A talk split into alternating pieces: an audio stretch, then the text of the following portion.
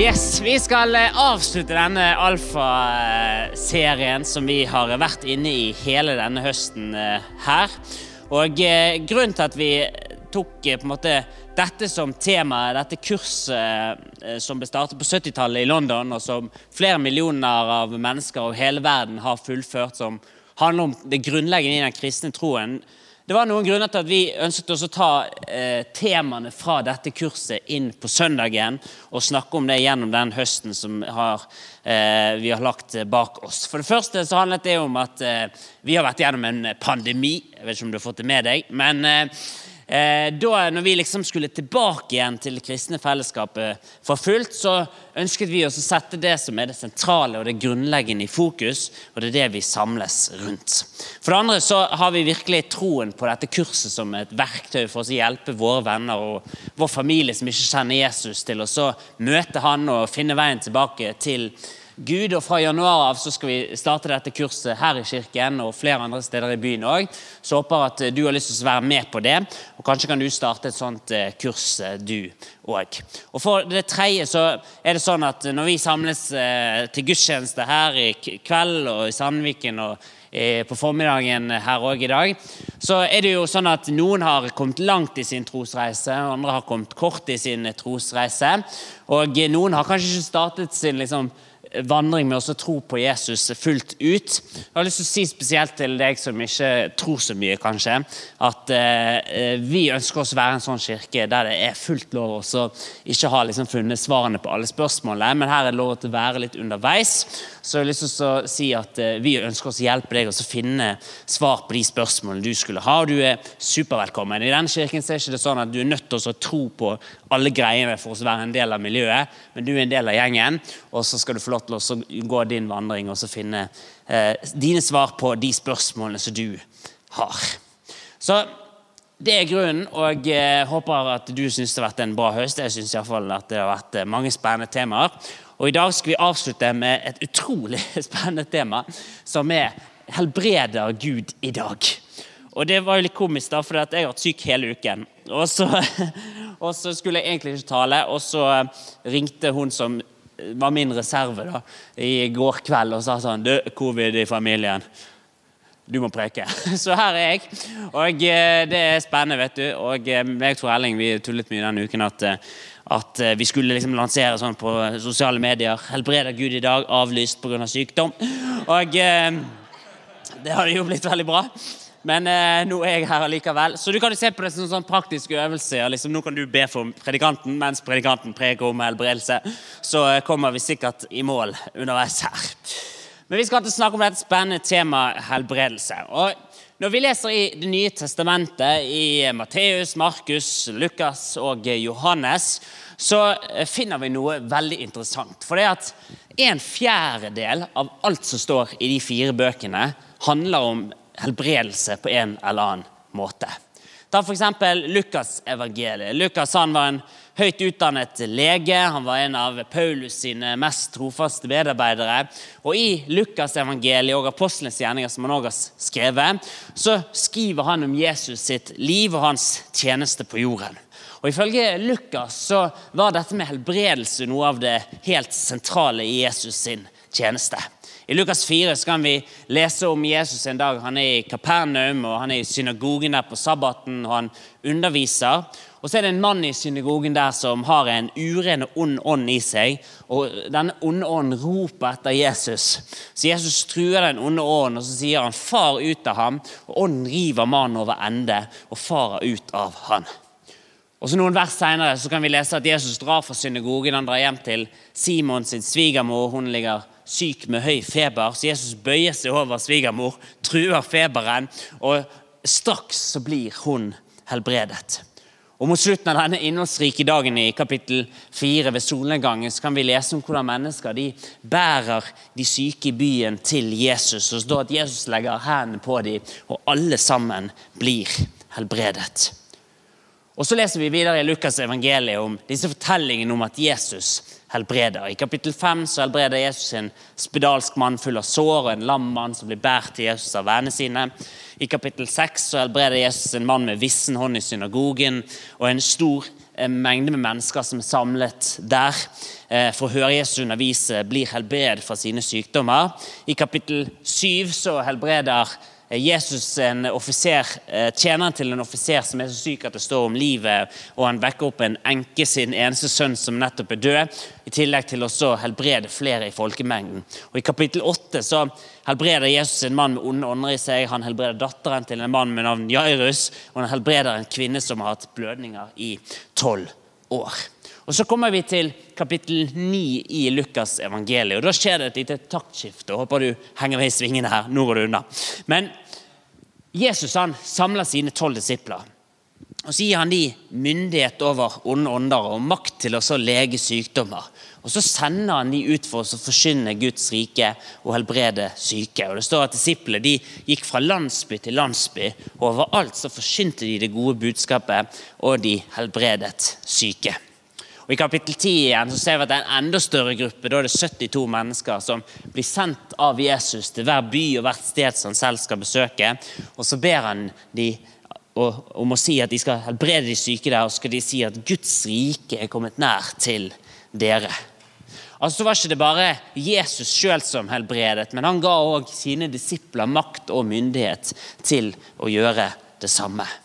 Så når Lukas da skriver videre i Apostles gjerninger om den første kristne kirke etter at Jesus tatt opp til himmelen, så ser vi at akkurat det samme mønsteret fortsetter i apostelens gjerninger.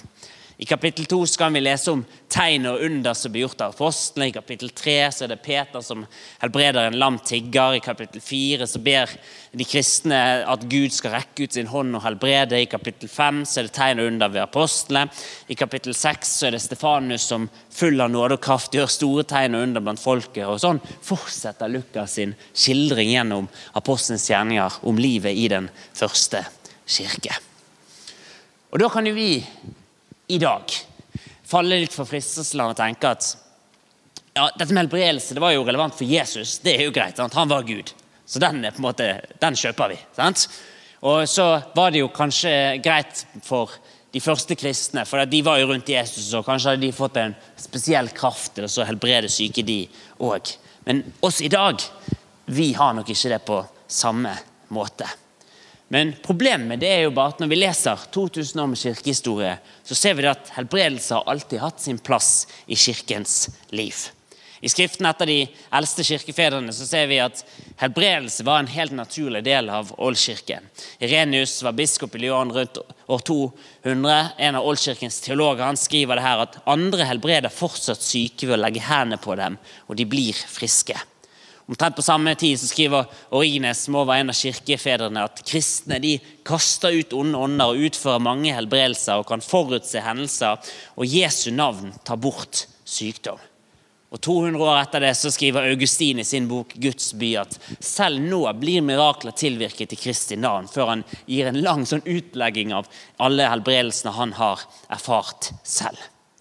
Når Edward Gibbon en engelsk historiker som har skrevet 'The History of the Decline and Fall of the Roman Empire'. Når han skal forklare hvorfor kristendommen skjøt så voldsom fart i starten, så sier han det sånn jeg kan få det opp på skjermen bak meg også, at den kristne menighet har fra apostlenes og de første disiplenes tid gjort krav på en ubrutt rekke av mirakuløse gjerninger, tungenes gave, syner og profetier, kraft å drive ut demoner, helbrede de syke og reise opp de døde voldsomt.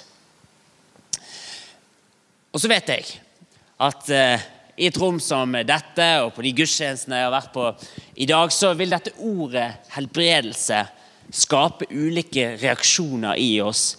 Helt avhengig av hvilke erfaringer vi har gjort oss på dette området i livet. Kanskje kjenner du på litt sånn manglende tro i møte med dette ordet. At du tror egentlig ikke på helbredelse i det hele tatt. Tenker at det der er nok hendelser som veldig godtroende mennesker vil knytte til Guds inngripen, men egentlig er det bare tilfeldigheter de få gangene det faktisk skjer. Kanskje kjenner du litt på skuffelse i møte med dette ordet. At du sjøl eller noen du er glad i, er syk, og du har bedt om at Gud skal gripe inn og helbrede, men så har ingenting skjedd.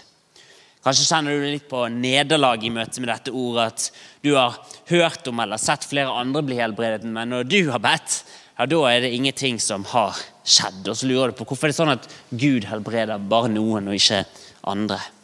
Eller kanskje kjenner du på litt sånn engasjement i møte med dette ordet. At du sjøl har erfart å bli helbredet, eller kanskje har du bedt for andre som har blitt helbredet. Og dette kjenner du at dette er viktig. Vi har mange ulike reaksjoner på dette ordet helbredelse. Men når vi leser Bibelen, og når vi eh, studerer kirkehistorien, når vi lytter til menneskers erfaring av helbredelse i dag, så er det klart at dette temaet kommer vi nok ikke utenom hvis vi skal snakke om det som er det grunnleggende i den kristne troen. Derfor så håper jeg at de neste minuttene eh, så skal eh, jeg har iallfall dette beste emnet. Nå er jeg siviløkonom og litt sånn hobbyteolog. Men eh, Tor Erling har sagt eh, at det var greit, det jeg sa. Så vi, vi får stole på han.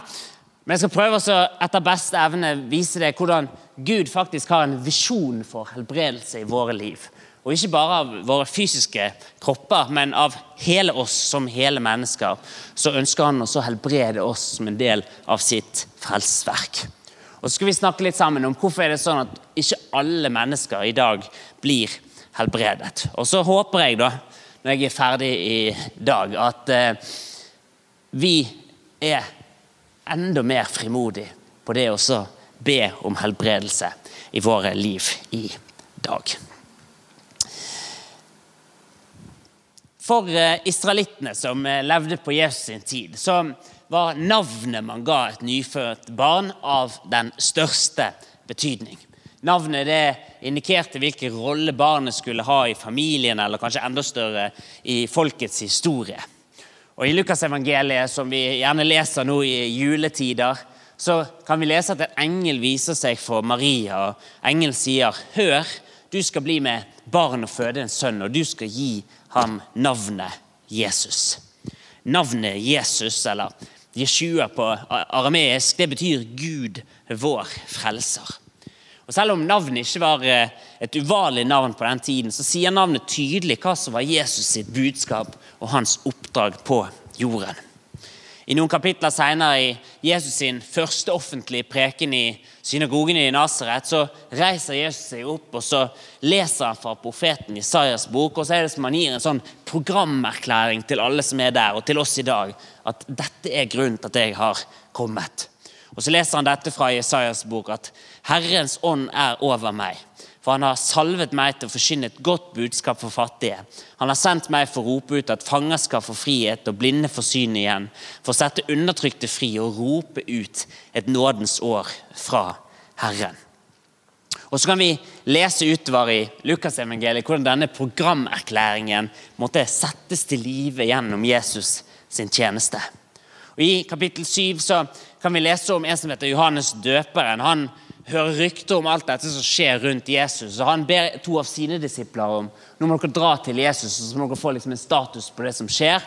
Og så må dere spørre Jesus om han er den Messias som vi har ventet på.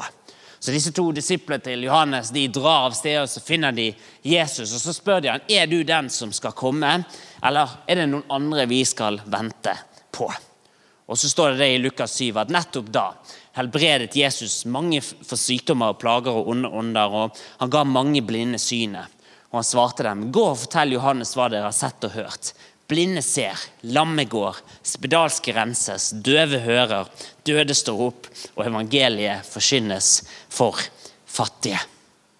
Denne programerklæringen til Jesus om at blinde skal få syn igjen og undertrykte skal settes fri, det var altså ikke bare et slags metaforisk bilde på det som er Jesus sitt frelsesverk. Miraklene til Jesus var ikke bare noen på måte, bevis på at han var guddommelig, eller en slags garanti for at hans undervisning var fra Gud. Men Jesus' mirakler var i seg sjøl budskapet om at han var kommet for å sette mennesker fri. Altså var Jesus sitt medium hans budskap. For helbredelse er ikke bare et tegn på at Jesus sin undervisning om frelse er sann, men helbredelse er frelse som finner sted her og nå. Og Nå skal jeg prøve å forklare hva vi mener med det. For skal vi forstå rekkevidden av denne programerklæringen til Jesus om frelse for mennesket, så vil jo vår forståelse av hva et menneske er, være av den største betydning. Og I den jødiske forståelsen av mennesket, den forståelsen som Jesus ble født inn i, og den forståelsen som han hadde som utgangspunkt for sin undervisning, ja, så er mennesket én enhet. Ånd, sjel og kropp det er egentlig bare ulike sider av det samme mennesket. Og Dette menneskesynet det blir bekreftet flere ganger i Det nye testamentet. For skriver Paulus til tessalonikerne at må han fredens Gud hellige dere helt gjennom, og må deres ånd, sjel og kropp bli bevart uskadet, så dere ikke kan klandres for noe eh, når vår Herre Jesus Kristus kommer. Og Dette sto i ganske skarp kontrast til hvordan den greske filosofien forsto mennesket, som ble popularisert av Platon, og som fortsatt har sterk innflytelse på hvordan vi ser mennesket i Vesten i dag. Platon han underviste det at mennesket det er egentlig bare to deler. Det er kroppen og så er det sjelen. Og kroppen den er dødelig, sjelen den er udødelig. og Derfor er målet til sjelen å bli forløst fra kroppen og leve evig. Men i den jødiske forståelsen av mennesket, det menneskesynet Jesus ble født inn i og oppvokst i, så skapte Gud oss altså som hele mennesker. Ånd, sjel og kropp. For at mennesket skulle leve i fellesskap med Gud. Men så kom synden inn i verden, og resultatet av synden var at mennesket ble atskilt fra Gud. Og Hvilke menneskesyn vi da har, har jo da stor eh, innflytelse og påvirkelse på vår forståelse av hva synd gjør i våre liv. Med et jødisk menneskesyn så var det jo ikke bare vår ånd som ble påvirket da synden kom inn i verden, men alle delene av mennesket er påvirket av synden. Både fysisk, emosjonelt, intellektuelt, seksuelt, sosialt og åndelig. Derfor når Jesus kom inn i vår verden, han som var vår frelser, ja, så var det med en helhetlig visjon for helbredelse og frelse for hele mennesket. Ikke bare ånden vår, ikke bare vårt sjelsliv og ikke bare vår kropp, men hele oss. Francis McNutt han skriver det sånn i sin bok om helbredelse. Fordi jødene ikke tenkte på mennesket som delt inn i kropp og sjel, men snarere som ett enhetlig, helt menneske, så tenkte ikke de bare på frelse for sjelen, men av mennesket da de snakket om helbredelse.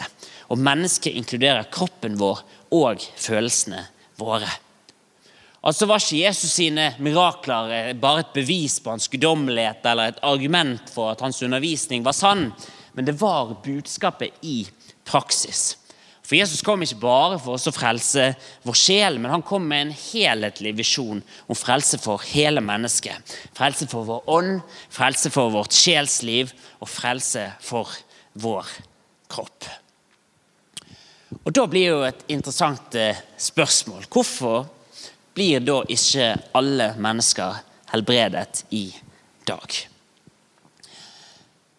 Et sentralt tema i Jesus' undervisning og i hans tjeneste er dette med Guds rike. I Markus 1, 15 så kan vi lese om Jesus som starter sin gjerning. og så sier han disse ordene. Tiden er inne, Guds rike er kommet nær. Vend om og tro på evangeliet. Dette uttrykket om Guds rike det er brukt mer enn 80 ganger i evangeliene. Og På gresk så betyr rike ikke bare rike i sånn politisk forstand eller geografisk forstand, men det bærer med seg denne forestillingen om en aktivitet, at det er noen som regjerer, det er noen som hersker. Guds rike er altså der hvor Guds vilje eh, regjerer fullt ut. Og I Jesus' sin undervisning så hadde dette, eh, denne undervisningen om Guds rike et aspekt av oss å være her og nå. Han sa det sånn at Guds rike det er kommet nær. Og til farseerne sa han at Guds rike det er midt iblant dere. Og Gjennom hele Jesus' undervisning så har Guds rike et aspekt av å være her og nå. Og Gjennom sin tjeneste så demonstrerte Jesus at Guds rike har kommet nær. Han tilga synd, han satte mennesker fri fra ondskap, og han helbredet de syke. Samtidig så har Jesus sin undervisning om Guds rike et fremtidsperspektiv som først vil bli oppfylt ved verdens ende. I Det nye testamentet så finner man over 300 referanser til at Jesus en dag skal komme igjen. Og Da skal verden sånn som vi kjenner den i dag, få gå, og så skal det bli en ny himmel og en ny jord som skal bli til. Og Der skal Guds vilje regjere fullt ut. Det skal ikke være død eller sorg eller gråt eller smerte, men alle som tror, skal være fullstendig helbredet den dagen. Og Det skilte jo seg veldig fra hvordan jødene så for seg at Messias skulle komme. Jeg kan få opp neste bilde på skjermen eh, her. Jødene hadde jo en forventning om at i vår tid ja, så skulle Messias komme, og så skulle Messias innføre denne nye tiden av Guds rike, der Guds vilje skulle regjere fullt ut. Men istedenfor så underviste egentlig Jesus noe annet. Jeg kan få neste bilde her. Jesus underviste at vi lever på en måte i en tid mellom hans førstekommende, når han først var her for 2000 år siden, og den dagen når han en dag skal komme igjen. Og Når han kommer igjen en dag, ja, da skal Guds rike være fullt ut. Da skal Guds rikes eh, vilje regjere. Da skal ikke det være sorg eller smerte eller tap, men da er det alt det som Gud vil, som skal være oppfylt. Og så lever vi mellom disse to punktene her, av at Jesus har kommet her, og Guds rike er her nå. Men så er det her ikke helt ennå. Og så lever vi i denne spenningen mellom at det er her, men så er det ikke her fullt ut. Vi ser at mennesker blir helbredet og satt fri fra avhengighet, men ikke alle nødvendigvis. Det er litt som om den gamle tiden er her fortsatt, men det er akkurat som den nye tiden på en måte bryter inn i vår tid. Guds rike er altså både nå og enda ikke. Guds rike er her nå, men samtidig så venter vi på den dagen når Guds rike skal komme fullt ut. Da det ikke skal være død eller sorg eller gråt eller smerte, men der Guds vilje skal regjere fullt ut. Og alle som tror, skal være fullstendig helbredet. I boken 'Livets spørsmål', som på en måte er oppsummeringen av eh, alfatalene, så forteller forfatteren der Nikki Gummel om en god venn han har som heter Patrick. Og Patrick han har levd med nyresvikt i over 15 år. Så skriver han om hvordan Patrick han har bedt om helbredelse i mange år. og Hvordan familie og venner har bedt for han flere ganger uten at de har sett at han har blitt helbredet. Men så forteller Patrick om hvordan han ble veldig oppmuntret av en samtale han hadde med som heter John Wimber. John Wimber han var en amerikansk pastor som var særlig kjent for sin tjeneste med helbredelse, og som selv hadde kreft i flere år. Og Han hadde sagt dette til Patrick, at den største gaven i livet, det er frelsen. Det er evig liv og alt det Jesus har gitt oss. Om vi blir helbredet i dette livet, ja, så kan det regnes som en ekstra bonus. Så I den tiden vi befinner oss i nå, så er det sånn at det er ikke alle vi ber for, som vil bli helbredet. Men det betyr jo ikke da at vi ikke frimodig skal be om at Gud skal helbrede i dag. John Wimber han sa det sånn at når vi ber for ingen, så blir ingen helbredet. Men når vi ber for alle, ja, så blir noen helbredet. Så hvordan kan du og meg be for syke i dag? I boken 'Everyday Supernatural' så skriver Mike Pilavecci og Andy Croft om de erfaringene de har med å eh, be for syke. Og så har de laget en sånn her 'Hvordan be for syke-dummies', som jeg syns var veldig fin. Og eh, Den skal vi ta oss og avslutte med i eh, dag. Det første de skriver når noen kommer til oss og ber om forbund, eller vi spør noen om vi skal be for dem, så er det første spørsmålet vi bør stille hvor gjør det vondt? Og Det virker kanskje litt sånn opplagt, men eh, mange ganger, det er iallfall min erfaring, når jeg ber for folk og spør hva skal vi be om, så sier de øh, øh, vet ikke. Sant? Og jeg tror at noen ganger er det bra at når vi ber, så er vi spesifikke og sammen enige om hva er det vi ønsker oss å be til Gud om. Og nå er det de fleste, altså de fleste av oss er ikke leger som, eh, som ber for mennesker, så vi trenger liksom ikke sånn hele liksom, eh, hele journalen, på en måte. Sant? Men det kan være greit å ha en enkel forklaring på hva det er vi skal be om sammen. Og Så skriver de nummer to at når vi da begynner å be, så kan vi be til Den hellige ånd og invitere Den hellige ånd inn. og så kan vi lytte til Den hellige ånds ledelse. Noen ganger opplever vi da at da skal vi be og tale direkte til sykdommen, sånn som Jesus gjorde og ser flere eksempler på. og Vi ser Peter gjøre det i apostlenes gjerninger. Andre ganger så bare inviterer vi Den hellige ånd, og så lytter vi til hva han ønsker oss å si. Noen ganger får man kanskje et bilde eller et profetisk ord, og da kan det være hjelpsomt for den vi ber for, at vi deler det på en ydmyk måte. sant? Og da har jeg i hvert fall lært at da sier ikke vi sånn 'Så sier Herren', og Gud sier dette. Sånn at jeg hører alt, sant? Men da kan vi si sånn at 'jeg tror at Gud minner meg på'. sant?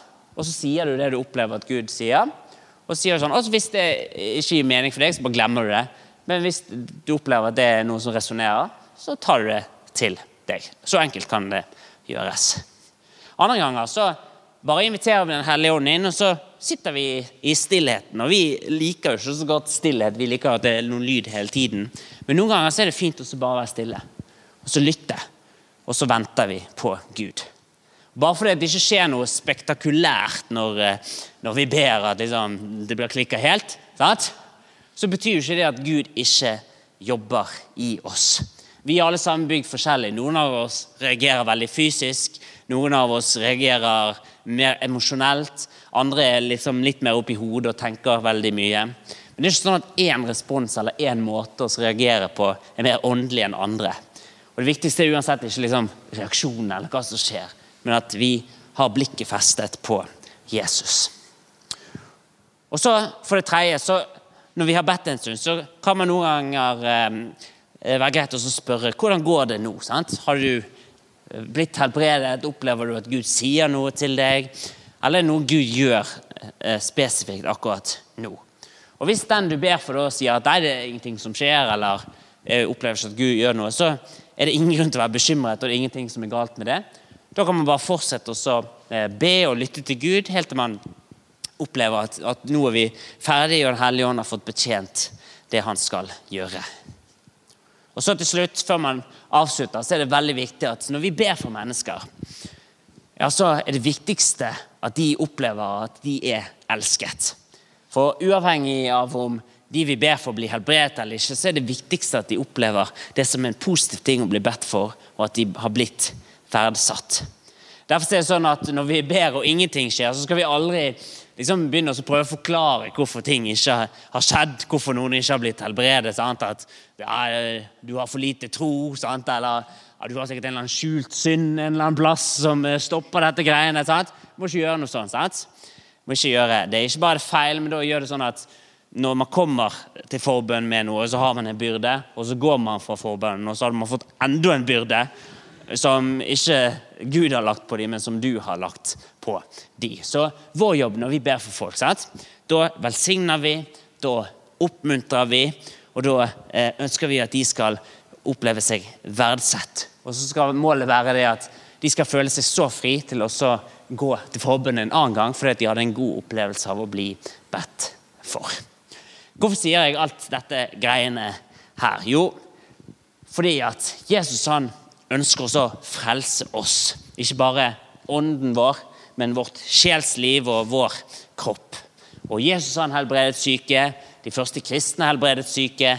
Gjennom hele kirkehistorien så ble, har mennesker blitt helbredet, og mange har erfaringer av å bli helbredet i dag. Og Selv om ikke alle blir helbredet i vår tid, så la oss likevel være frimodige og be om helbredelse. Og Jeg håper og drømmer litt om at det skal bli en del av kulturen her i Bergen frikirke. At når noen sliter eller har det vanskelig eller har sykdom eller ting som de bærer i livet, ja, skal vi først møte dem med omsorg og med kjærlighet og med trøst. Men òg at vi kan være frimodige og spørre kan jeg få lov til å be for deg. For når vi ber for ingen, ja, så blir ingen helbredet. Men når vi ber for alle, ja, så blir noen helbredet.